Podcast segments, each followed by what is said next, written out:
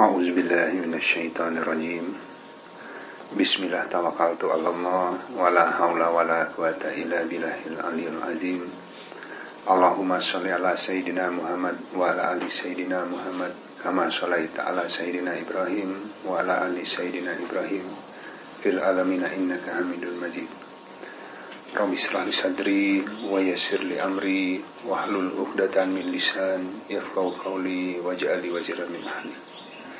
Assalamualaikum warahmatullahi wabarakatuh. Insyaallah hari ini tanggal 10 April 2019 kita akan bahas salah satu ayat di An-Nisa uh, Quran surat An-Nisa ayat 34 sebutnya ayat kawamun gitu ya. Nah, eh, ini saya ambil sebuah hadis dari Rasulullah Wasallam. Jadi ini eh, terkait fungsinya, eh, keutamaan yang Allah berikan kepada Rasulullah di atas eh, Nabi Adam gitu. Aku telah diberikan keutamaan atas Adam terhadap dua perkara yang pertama adalah istri Adam merupakan penolongnya dalam perbuatan dosa. Namun istri-istriku adalah para penolongku dalam urusan agamaku. Kemudian yang kedua, iblis membangkang terhadap Adam, namun ia ditundukkan kepadaku dan tidak memerintahkan kecuali terhadap kebenaran. Mungkin bertanya ya agak bingung yang keduanya ya. Jadi uh, kalau yang pertama itu terkait istri, tentu istri itu ada perannya di dalam agama. Makanya sunnahnya Rasulullah eh, pernikahan adalah setengah dari agama. Nah maka si istri sebenarnya adalah penolong untuk membangun urusan agama. Gitu. Tapi sering kali menyusahkan ya. menyusahkan dan itu e, sebabnya lebih banyak karena imamnya tidak tegak. Jadi jangan menyalahkan makmum. Jadi imamnya dulu yang dievaluasi. Namanya juga penegak namanya juga pelurus. Makanya hadisnya kan sesungguhnya wanita itu diciptakan dari tulang rusuk yang bengkok. Apabila ia dipaksakan lurus, maka ia patah. Tapi jika ia dibiarkan, maka ia tetap bengkok. Maka hendaklah kalian menasehatinya dengan lemah lembut. Gitu. Nah, lemah lembut itu bisa banyak macam bentuknya. Artinya, sang imam, sang suami harus mengenal istrinya. Ya, kalau istri kan beda-beda ya, ada yang keras, ya, ada yang tadi uh, gampang nangis gitu kan, yang e, penakut, macam-macam. Nah, si suami itu harus mengenali karakteristik istrinya agar waktu dia berusaha meluruskan disesuaikan dengan si e, istrinya, bahasanya, caranya. Jadi nggak sama gitu. Jadi tidak ada satu cara yang sama. Kalau ke istri harus gini, ya tergantung istrinya gimana. Tergantung kemampuan suaminya juga kan. Jadi suami juga beda-beda kan yang kita pengen saya pengen sama suami saya teh nu tegas gitu. Nah, suami saya teh sok pelin-pelan, pengennya yang ini. Enggak bisa, kan setiap suami punya karakteristik. Itu nanti sesuai dengan tugasnya para laki-laki di jalan agama. Ya kalau misalkan dia tegas, mungkin dia uh, urusannya jadi hakim, jadi umaro, pemerintah, pemimpin kan. Ya kalau dia misalkan tadi bentuknya itu uh, halus si suaminya mungkin dia fungsinya menjadi pendidik kan bisa macam-macam kan kalau menolong jalan agama itu tidak sama laki-lakinya juga kan orang beriman itu berperangnya dalam saf jadi ada yang jadi ulama ada yang jadi umaro ada yang jadi pelayan umat jadi laki-laki juga uh, speknya beda-beda gitu sesuai dengan tugasnya gitu Nah sering kali yang laki-laki juga tidak menemukan tugasnya apa sebenarnya. Jadi akhirnya alih-alih menjadi penolong agama, akhirnya sibuk aja dengan kehidupan dunia gitu. Nah jadi eh, terhadap tadi istri itu tanggung jawab suami untuk mengenali istrinya dan yakinlah waktu menikah itu belum banyak yang kenal. Ya waktu menikah umumnya hanya melihat sisi tertentu, gitu. Kan. Karena sebelumnya itu masih banyak sisi-sisi yang dia senangi aja. Gitu. Tapi waktu setelah menikah, dia mulai menemukan sisi-sisi yang dia tidak sukai. Termasuk si istrinya. Nah, kok waktu belum nikah begini, kok setelah nikah ternyata keluar aslinya gitu kan ya. Ya namanya juga PDKT. -nya. Kalau dari awal keluar aslinya mau jadi nikah kan gitu. Ya, jadi memang ya, memang seperti itu, harus memang seperti itu. Jadi jangan ada perasaan wah tertipu saya gitu udah nikah ternyata gening juga eh, itu mah ya yang nggak ngerti yang ngomong itu kan ya, jadi memang harus konsekuensi dong udah menikahi kan Waalaikumsalam konsekuensi berani menikahi berani meluruskan gitu kan tapi cara meluruskannya yaitu tadi butuh ilmu jadi yang pertama adalah uh, rumah tangga yang berhasil adalah rumah tangga yang di mana sang imamnya tegak dulu. Karena gini, kita nggak bisa menolong orang lain, kita tidak bisa menegakkan orang lain kalau kitanya sendiri belum tegak. Jadi si imam, si sang imam harus melawan dirinya, menata dirinya sehingga menjadi imam yang bijaksana, yang adil, ya. Baru dia mulai uji coba menegakkan istrinya gitu. Itu pun nggak sekali tegakin langsung tegak. Lempengkan langsung patah, minta cerai pasti. Saya nggak kuat hidup sama kamu tehnya. Wah terlalu banyak aturan, terlalu banyak ini gitu kan ya. Atau bisa juga tadi banyak juga para istri yang Ay, suami saya teh sama sekali kan saya pengen lah kalau sholat itu suami itu jadi imam. Saya ingin suami itu bisa ngebimbing tapi suaminya karena nggak belajar belajar agama kadang ada yang di pihak istri yang kesel teh. Ya saya pengen kayak orang lain tuh suaminya teh e, mengajak istrinya teh sholat apa nah suami saya mah hese gitu ya bisa banyak faktor karena nggak belajar agama bacaannya terbatas era gitu kan ya begitu istrinya ngajak ayo pak sholat jamaah jadi imam ah nggak seorang anu sendiri sendiri katanya gitu kan Nah memang istri punya kebutuhan juga untuk ingin dipimpin. Ini secara fitrahnya wanita itu ingin dipimpin. Tapi kalau pas lihat si calon pemimpinnya tidak memenuhi syarat, ya pastilah ya siapa pun ya termasuk perempuan pimpin mah dipimpin tapi ulah jika kia kia teing gitu kan akan protes gitu. Jadi yang kita harus uh, evaluasi sang imamnya dulu. Jadi rumah tangga yang berhasil adalah di saat sang imam bisa mengajak istrinya dan sama-sama menjadi penolong di jalan agama gitu. Kemudian yang kedua, iblis membangkang terhadap Adam namun ia ditundukkan kepadaku dan tidak memerintahkan kecuali terhadap kebenaran. Jadi Rasulullah SAW itu diberikan Al-Quran gitu.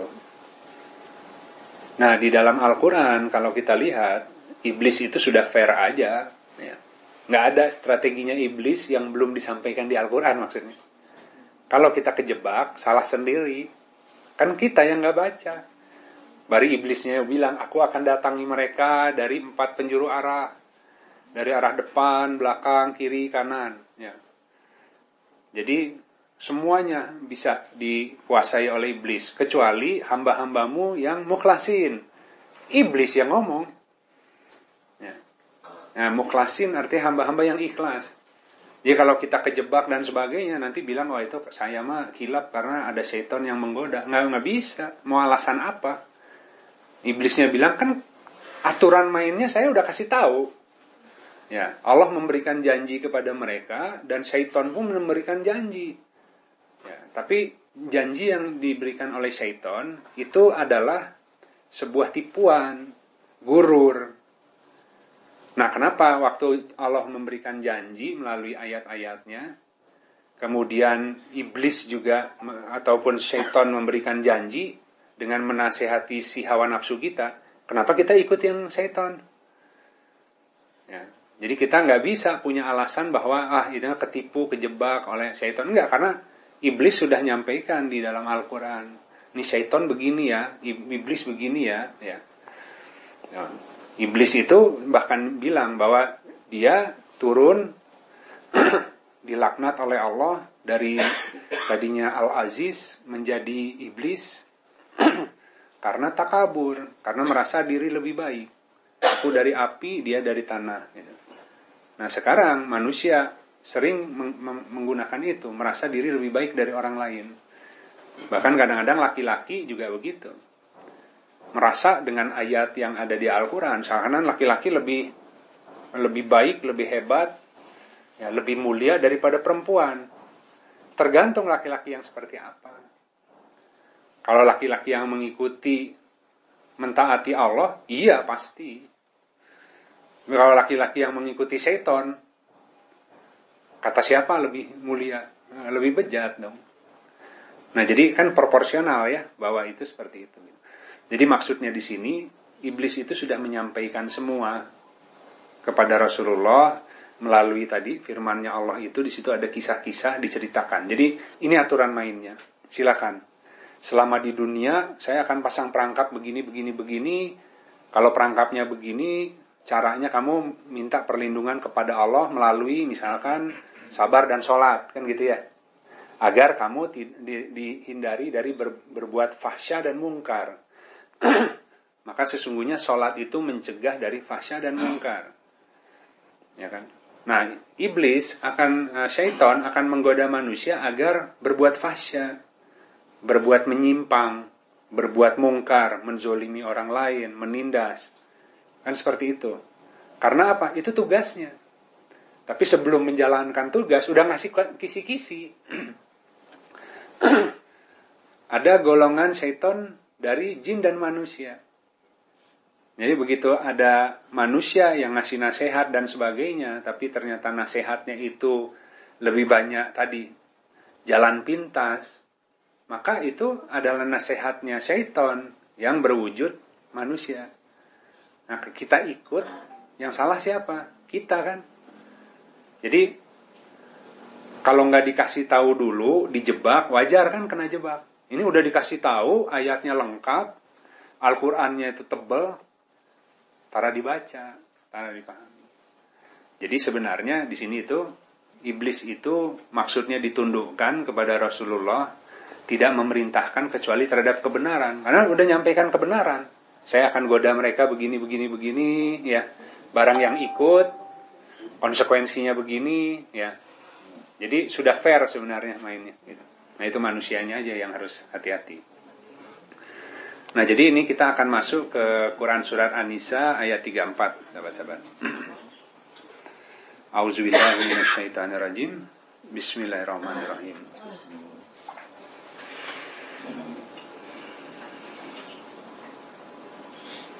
Jadi kaum laki-laki itu adalah pemimpin atau penegak bagi kaum wanita. Ya. Ar-rijalu qawamuna 'alan nisa bima fadalallah gitu. Jadi dikarenakan fadalallah itu dari fadilah. Ya, karena Allah telah melebihkan memberikan karunia ya. Sebagian atas sebagian yang lain ada yang dilebihkan.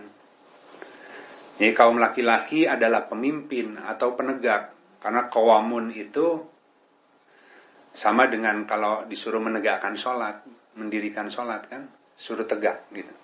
Jadi pemimpin karena bisa menegakkan, jadi meluruskan yang kecenderungannya bengkok. Jadi wanita kalau dibiarkan bengkok, kalau diluruskan terlalu kencang, patah. Maka tugasnya laki-laki menegakkan di sesuai proporsinya gitu. gitu. Kemarin kita udah bahas juga yang tentang wasaton kan. Kalau semuanya kayak laki-laki nanti susah urusan-urusan. Jadi harus ada yang e, wanitanya gitu, penyeimbang kan. Karena kita kan dunia akhirat yang diberikan tanggung jawabnya. Jadi karena Allah telah melebihkan sebagian mereka atas sebagian yang lain ya di dalam karunia-Nya, dan dikarenakan mereka, kaum laki-laki telah membelanjakan dari sebagian harta mereka. Maka perempuan yang soleh adalah yang taat. Ya, yang menjaga diri terhadap hal-hal yang tidak tampak. sebagaimana Allah telah memerintahkan mereka untuk menjaganya. Dan terhadap mereka-mereka para perempuan yang kamu khawatir terhadapnya penyimpangan, jadi nusyuzah, nusyuzahuna, maka nasihatilah mereka dan pisahkanlah mereka di tempat tidurnya. Ya. Dan sebagai upaya terakhir, ya, pukullah mereka. Gitu. Maka jika mereka kemudian mentaatimu, maka janganlah kamu mencari-cari jalan untuk mempersulit mereka. Sungguh Allah adalah Allah yang maha tinggi lagi maha besar. Sadaqallah lagi. Ini saya coba jelaskan struktur ayat ya. Jadi pertama dia penegak ya, pemimpin karena punya kemampuan untuk bisa menegakkan yang bengkok. Gitu. Kenapa bisa menegakkan yang bengkok? Karena Allah melebihkan ya dengan karunia-Nya. Itu sudah Allah yang ngedesain. Apanya yang dilebihkan? Akal agamanya. Bukan akal dunia. Makanya laki-laki itu di atas wanita akal agamanya. Rasulullah kan ada hadisnya ya. Bisa dilihat kalau bulan puasa mereka nggak bisa menyempurnakan karena ada haid gitu kan ya. Jadi artinya itu simbol kenapa wanita itu kemudian tidak bisa puasa sebulan penuh karena ada siklus menstruasi. Jadi seakan-akan segimanapun wanita ingin menyempurnakan perintah agama, tapi secara fitrah Allah batasi. Ya, kan fitrahnya wanita itu ya seperti itu. Kan itu sebuah pembersihan juga kan ya. Darah kotor dan sebagainya gitu. Dan itu juga uh, karena punya rahim di dalamnya. Jadi itu Allah ngedesain itu itu sebuah ayat sebenarnya. Ya. Jadi kalau laki-laki dan perempuan sama-sama belajar agama dengan benar, akan ada titik batas di mana laki-laki bisa naik terus, wanita berhenti di titik tertentu. Gitu. Jadi pada saat nanti, makanya sering terjadi ngajinya bareng suami istri, begitu ngaji itu kan setelah sekian lama siwa hatinya e, ter, terwarnai oleh kalimat-kalimat Al-Quran, itu berubah pasti akhirnya lebih sabar, lebih tawakal. Nah, begitu si laki-lakinya, begitu ada masalah di rumah, ya masalah kehidupan, terus laki-lakinya bilang, ya Bismillah, orang tawakal. Nah, itu teh, padahal istrinya ikut ngaji bareng, tapi istrinya bilang, ya tawakal mah tawakal, tapi kumaha tuh, nah, gitu kan. Nanti si suaminya nggak sabar, eh kamu kan ngaji bareng, kumaha sih? Nah, udah jelas ini gini gini. Iya, tapi kan kumaha kumaha oge da orang butuh di imah kumaha ini ini ini bukan karena mereka bukan karena mereka menentang karena kan akalnya memang ditaruh dibatasi oleh Allah. Nah, jadi uh, si laki-lakinya yang harus bisa menenangkan gitu. Jadi ya tawakal. Ya ayah sambil usaha ini teh tapi tolong mama berdoa di rumahnya diridoi ini supaya kalau berangkat itu diiringi doanya Nanti kalau pulang nih belum dapat, mudah-mudahan besok nih Allah kasih jalan yang lebih baik. Jadi harus mendidik istrinya dengan kalimah-kalimah bertahap gitu. Agar si istrinya lama-lama, ah udahlah bismillah dah, saya percaya janji Allah itu dan suami saya pun betul penghadapan hatinya gitu kan. Meskipun di dalam teh ada yang khawatir, tapi kan di sini maka perempuan yang soleh adalah yang taat dan yang menjaga diri dari hal yang tidak tampak. Yang nggak tampak apa? Tah, di hatinya. Ada kekhawatiran, pengen diomongin semua, tapi karena dia wanita yang soleh, ah bismillah lah, percayalah ke Allah dan ke suami saya gitu. Meskipun saya teh masih ada kekhawatiran gitu kan. Tapi yang gak soleh akan terus. Yang bes takwa mah takwa, tapi mana hasilnya? Cuma, oh terus nuntut, terus tuh. Jadi menjaga diri dari hal yang tidak tampak.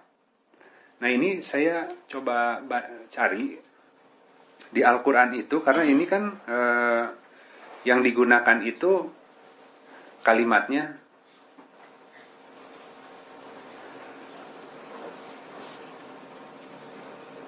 ini kan fas fasolihatu ya konitat gitu ya yang yang taat hafizatul lil, lil goib gitu.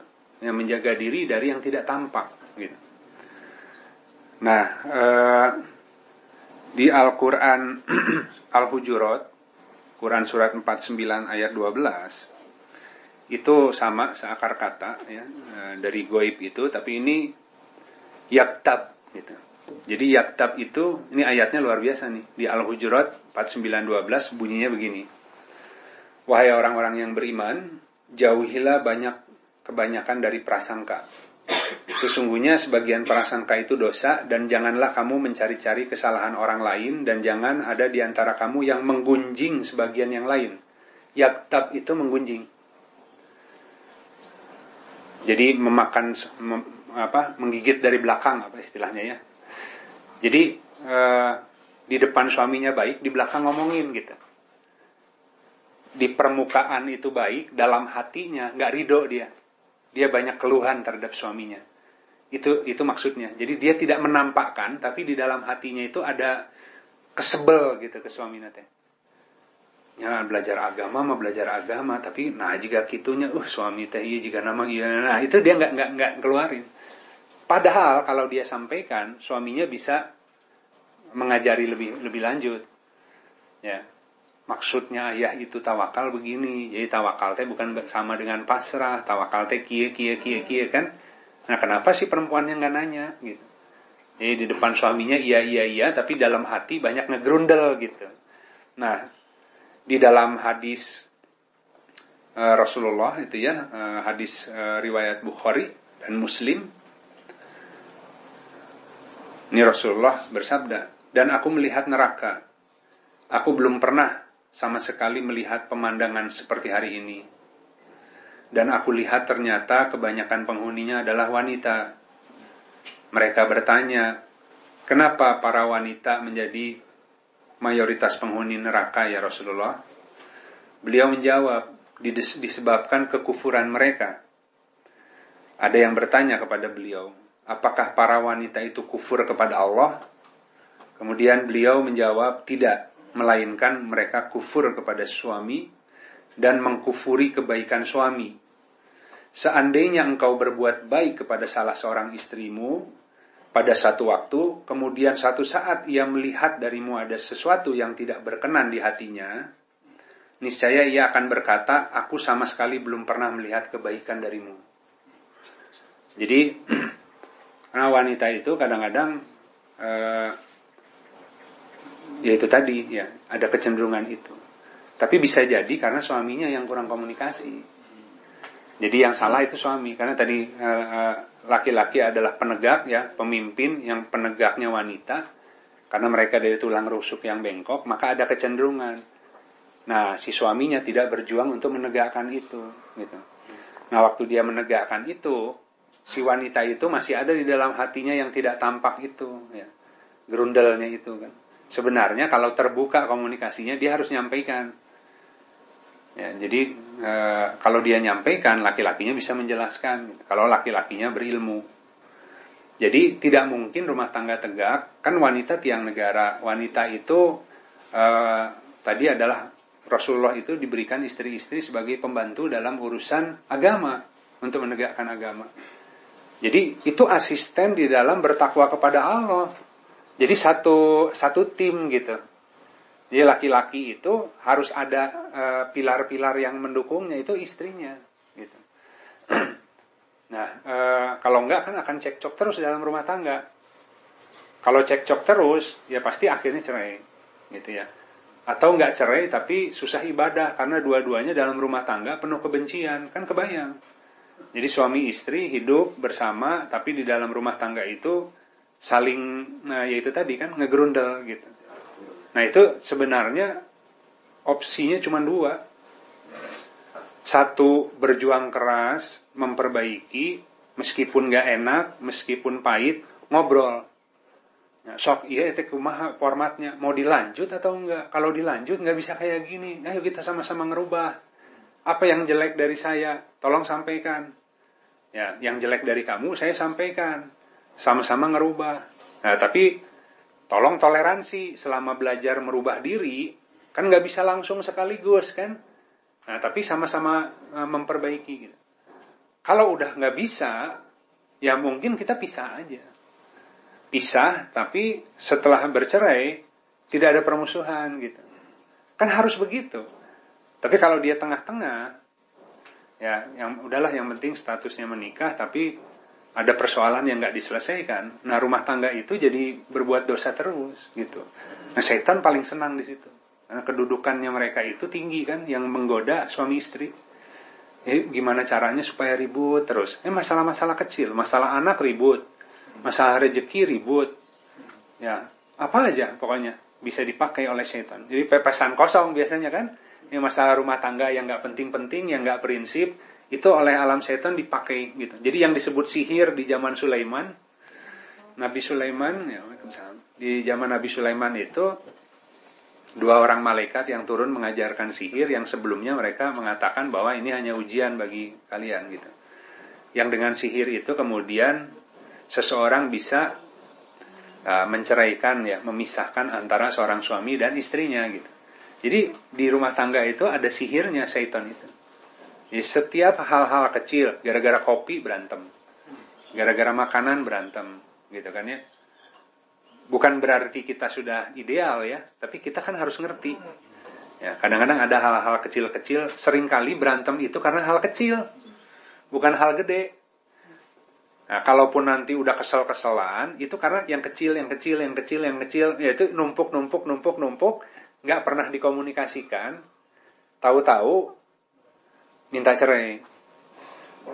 Nah, meledak pada saat kemudian, nah kok tiba-tiba kia, gitu kan? Udah saya perbaiki, ah udah saya nggak mau, saya udah nggak kuat, pokoknya udahan aja gitu. Kenapa? Ya saya selama ini udah cukup lah, gini gini gini.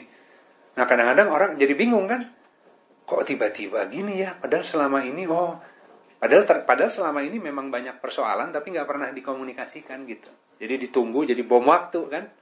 Jadi setiap kali ada ganjelan, harusnya cari momen untuk mendiskusikan antara suami istri. Gitu. Nah, pada saat didiskusikan, makanya kan kalau si suaminya galak teing, istri juga akhirnya mendam sendiri. Karena si imamnya nggak bijak gitu. Jadi kalau misalkan e, si istri itu nyampein sesuatu, dianggapnya ngeluh aja gitu sama suami.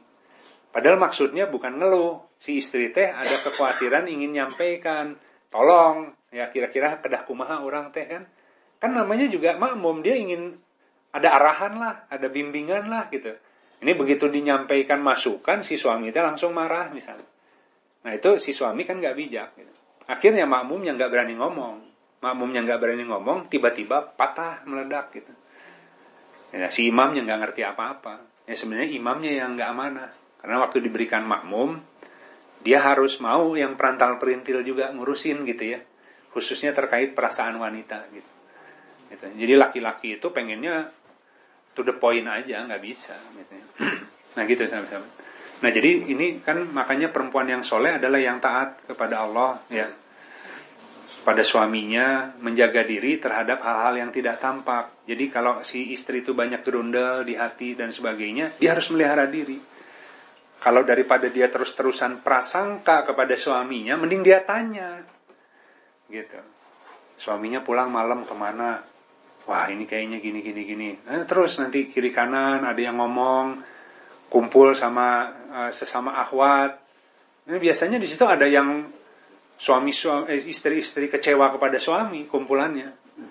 Ya, jadi pengajian itu juga akhirnya oh iya jeng sama ya saya juga sama suami saya tek ini ini wah Akhirnya, lo itu sob bayangin, bisa alam setan loh.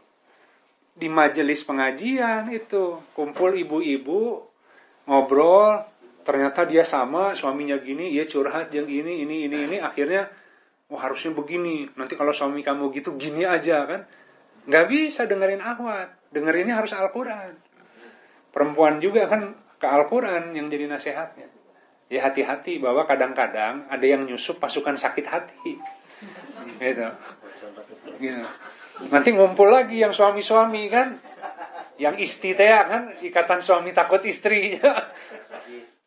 Kalau mau istri orang, iya nya cicingnya, ya, orang bilang ker lagi di kantor ya teh, padahal kerteing di mana gitunya, siun gitunya. Rapat pulang kemalaman takut dicarikan ku suami, tergantung rapatnya apa. Ya, lamun ulin jelasnya wajar atau dicarikannya ku istri teh Iya mah rapatnya itu rapat untuk umat dan sebagainya harus sampaikan ke istri. Mas saya pulang malam nih karena mau ngebahas urusan masjid, urusan umat, urusan iya. ya kan tapi kalau misalkan ah pengen nongkrong nongkrong sama teman-teman ngopi nyaulah malam teing istri kan boleh gitu ya, istilahnya dia mau sampai pagi juga kalau ngurusin agama ya nggak apa-apa kan gitu tapi suami kadang-kadang ah nggak usah lah daripada ngomong riut orang nak gitu kan daripada ditanya macam-macam katanya kan itu tanda komunikasi sudah nggak jalan. Alam setan itu akan masuk pasti. Nah jadi hal yang tidak tampak termasuk hal yang tidak tampak pada saat suaminya nggak ada di rumah ya, istri itu juga namanya orang ya rumah suaminya pergi dinas luar kota istri sendirian di rumah itu alam syaitan juga akan menggerakkan yang lain. Ya, mungkin kiri kanan ada tetangga, ada yang mungkin juga dari apa punya niat yang gak baik kan, ingin ngegoda, ingin apa, itu harus hati-hati. Ya, jadi yang tidak tampak itu yang pertama adalah apa-apa yang dibisiki oleh hatinya sendiri si istri dan juga waktu suami nggak ada ya ulah pakai daster di luar ya jaga diri kalau keluar pakai pakaian yang rapi, tertutup.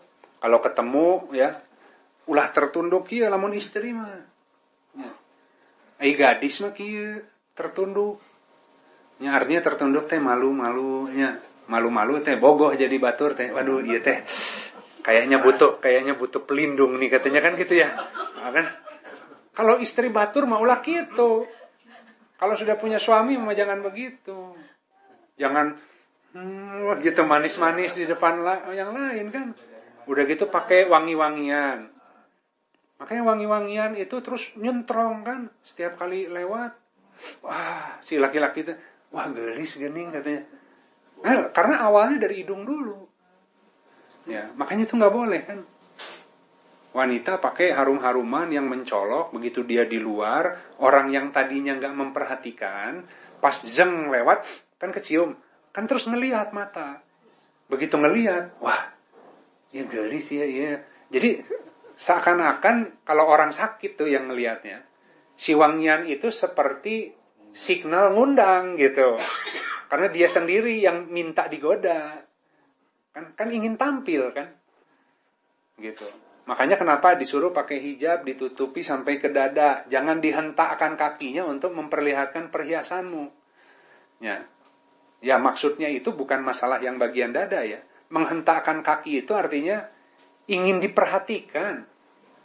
Ya, jadi kalau pakai baju yang paling uh, ketat, paling mencerang gitu kan, itu maksudnya. Jadi kalau misalnya di kondangan, nah, kalau bisa tuh beda sendiri bajunya gitu kan. Jadi lebih lebih lebih ngejreng dari pengantin lah gitu kan. Jadi yang undangan itu biasanya bajunya lebih karena wah itu yang rias, yang dandan, yang undangan lebih lama dari pengantin dandannya kan. Nanti mau kondangan di ini, wah itu yang datang banyak ini ini ini, wah berias ke salon ke iyo, ya teh ngalah-ngalahin pengantin. Jadi kalau masuk itu semua mata tertuju ke dia. Itu maksudnya. Jadi wanita yang taat itu adalah yang menjaga diri dari yang tidak tampak. Sebagaimana Allah telah memerintahkan mereka. Nah, disuruh pakai, artinya pakai kerudung. Ya itu percuma tuh pakai kerudung, celana ketat, olahraga di gasibu, wah eta ke mana-mana nyeplak, luhur nawungkul no ditutup. Itu kan banyak. Ya, pakaian olahraga fashion buat hijaber. Teman nggak ada bedanya ya, lebih vulgar lagi gitu kan. Jadi pakai yang ketat-ketat, yang ini dan sebagainya. Jadi esensinya bukan itu. Esensinya bukan tutup kepala sampai dada, bukan itunya, tapi secara keseluruhan dalam berpakaian jangan mencolok gitu. Nah, termasuk kalau wanita itu ya itu tadi. Jadi Allah memerintahkan mereka untuk menutup kan, agar mereka lebih terlindungi, jangan terlalu mencolok. Kalau suami lagi nggak ada di rumah itu, kalau ada orang datang juga sebenarnya harus hati-hati ya, nggak boleh ada laki-laki lain yang dibawa masuk dan sebagainya, apalagi laki-laki yang suaminya nggak suka ya mau itu saudara dan dan sebagainya kan itu ada ada ininya di situ. Jadi maksudnya itu nggak apa-apa terima tamu tapi mungkin di teras. Yang dibawa masuk ke rumah gitu. Nah karena itu dia menjaga rumah suami ketika suami nggak ada gitu. Jadi uh, uh, si suaminya itu kan yang nggak tahu suaminya pergi ke mana nya Kalau suaminya pergi di jalan Allah, istrinya itu Allah jaga juga. Nah, tapi kalau suaminya perginya di jalan syaiton, ya, maka suaminya bisa eh, si istrinya bisa Allah datangkan banyak ujian dan godaan gitu. Atau malah ketemu orang lain yang kemudian uh, lebih cocok buat dia gitu karena suaminya uh, tidak bertakwa kepada Allah gitu ya. Hati hatinya istri pun bisa dilepas oleh Allah Kan gini, kalau e, wanita yang soleh, Allah kasih sebagai pendamping laki-laki yang soleh. Karena laki-lakinya berjuang di jalan Allah, dia butuh seorang pasangan yang bisa ngurusi banyak kebutuhannya. Ya kebutuhan tuh kayak sekedar di rumah tangga ya untuk itu tuh mulia kalau di di di agama itu. Jadi istri itu yang mau makan apa, e, mau, mau dibikinin minum apa, ya nyucikan pakaiannya, nyetrika dan sebagainya itu kemuliaan kalau di agama itu.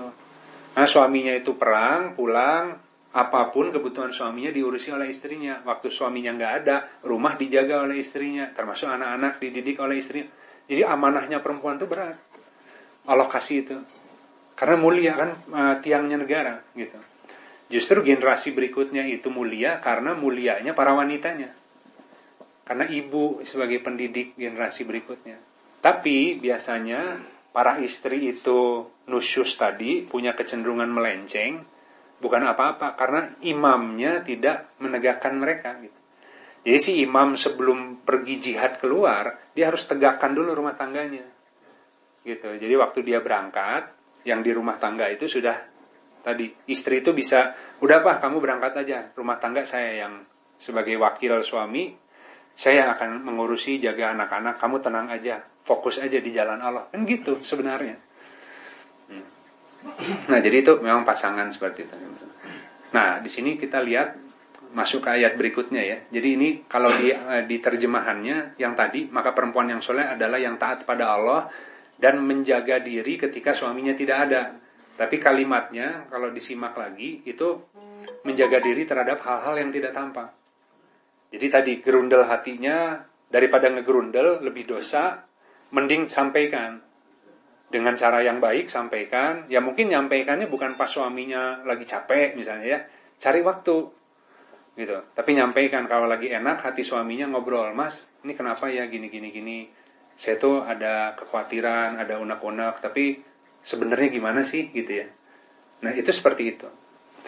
Jadi anak kemudian eh, nah terhadap wanita yang kamu khawatir nusyusnya ini artinya si suami sudah berusaha untuk menegakkan, ya, sebagai pemimpin berusaha menegakkan si pasangannya, tapi kemudian melihat kecenderungan-kecenderungan bengkok yang masih kuat, gitu. Maka yang dilakukan pertama tadi dia harus memberikan nasihat kan. Jadi kalau yang tadi itu mungkin dia dalam kalau tadi itu lebih kan dia mencontohkan ya, membimbing selama berumah tangga, karena masih ada yang bengkok, dia harus ngomong tegas aja si suaminya. Jadi memberikan nasihat, ini loh kamu tuh udah baik di sisi ininya, cuman ada yang kurang, yang kurangnya di sini. Kenapa saya nyampaikan ini? Karena ini sebenarnya untuk kebaikan kamu. Nah ini ada nih dasar-dasarnya, ada ininya. Dan karena sayang gitu kan. Dia, nah, dia harus memberi nasihat tuh lebih jelas gitu. Nah kalau seandainya kemudian istrinya masih susah, maka dipisahkan dari ranjang Dipisahkan dari ranjang itu bukan bukan pindah beda kamar, bukan.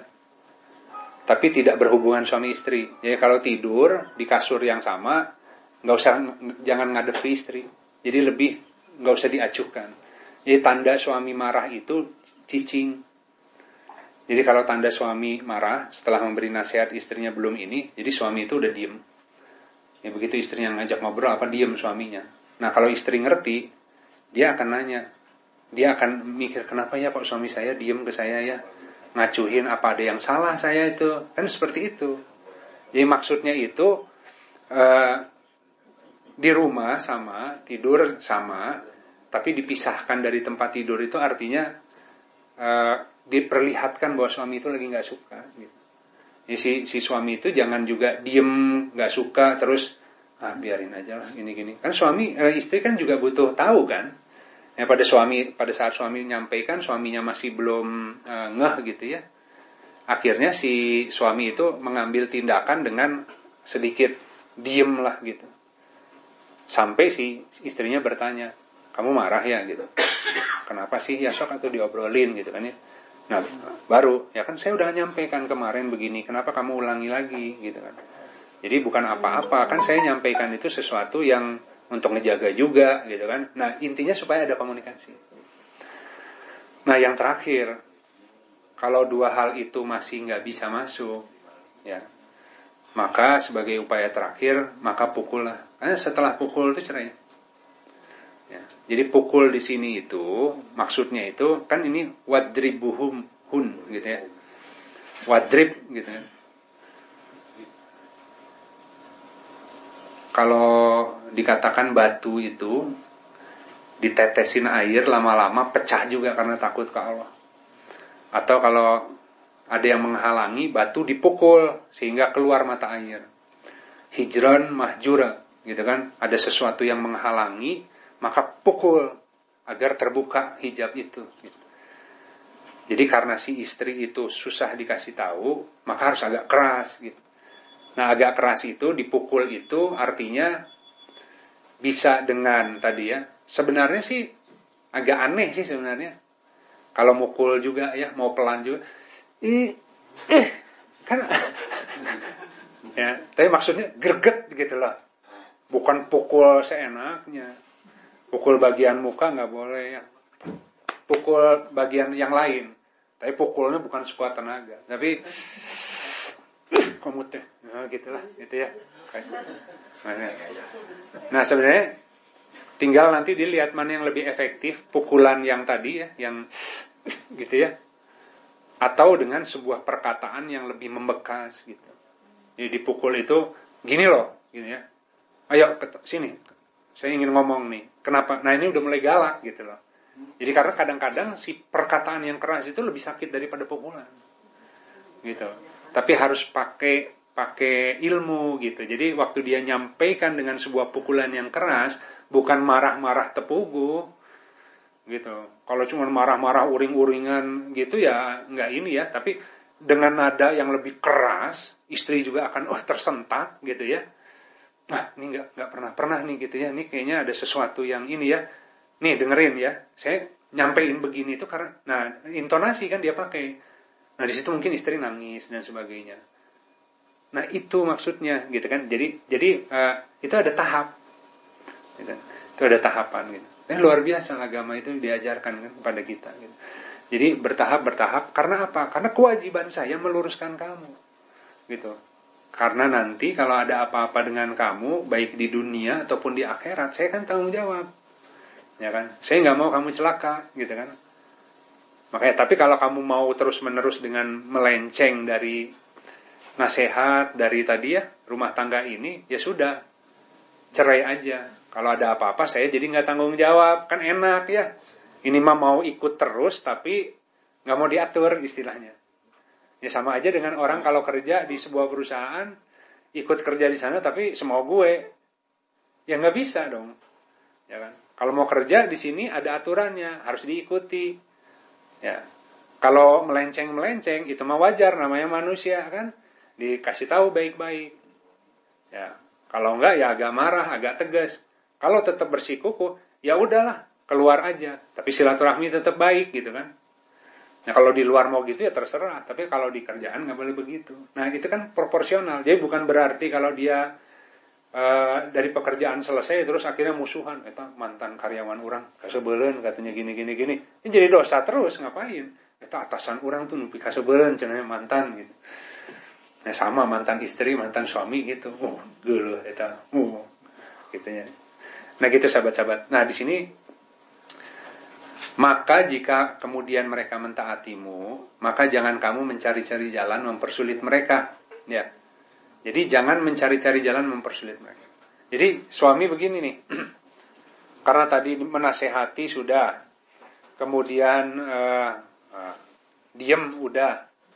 Terus dengan keras udah. Ternyata istrinya nurut.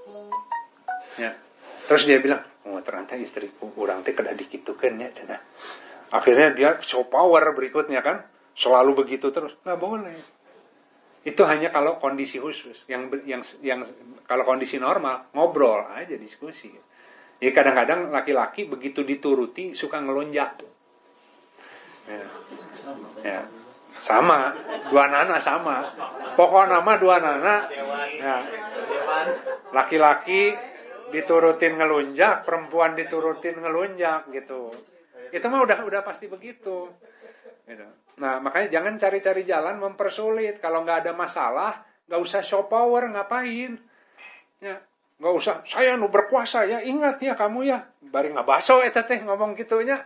Jadi ini sambil nggak baso kamu ingat ya saya pemimpin katanya saya pemimpin rumah tangga ibu harus ingat ya ayo terus abisin basonya kan nah, lucu nah, itu semua nonton nonton makan makan nanti kalau misalkan ada persoalan baru sampaikan lagi. Jadi si keimamannya yang keras itu hanya disampaikan pada saat memang ada pelencengan. Jangan terus-terusan. Jadi hanya ingin menunjukkan ke orang tuh istri saya teh istri yang taat sian ke orang teh ada orang teh pemimpin kia kia, kia. itu mah semena-mena nggak boleh gitu Nah jadi gitu sahabat-sahabat. Jadi jangan mencari jalan mempersulit mereka kalau mereka sudah mentaati gitu kan. Nah kita fokus ke memperbaiki diri kita sebagai jamaah.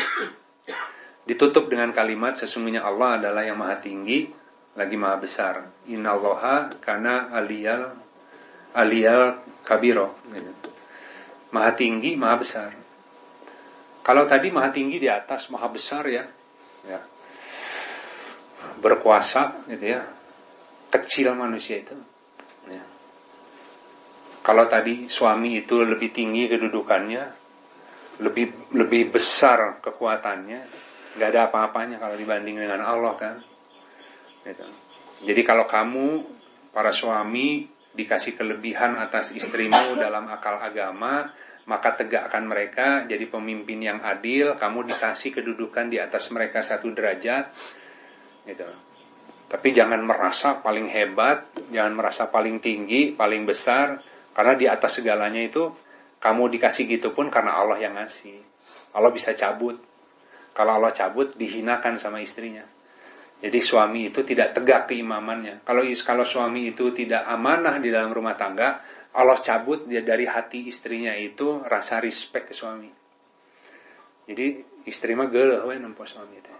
Ya eh, suami jika kia namun lain karena syariat mah orang mah geus tahan tapi eh geuleuh nempona gini-gini. Itu karena Allah cabut.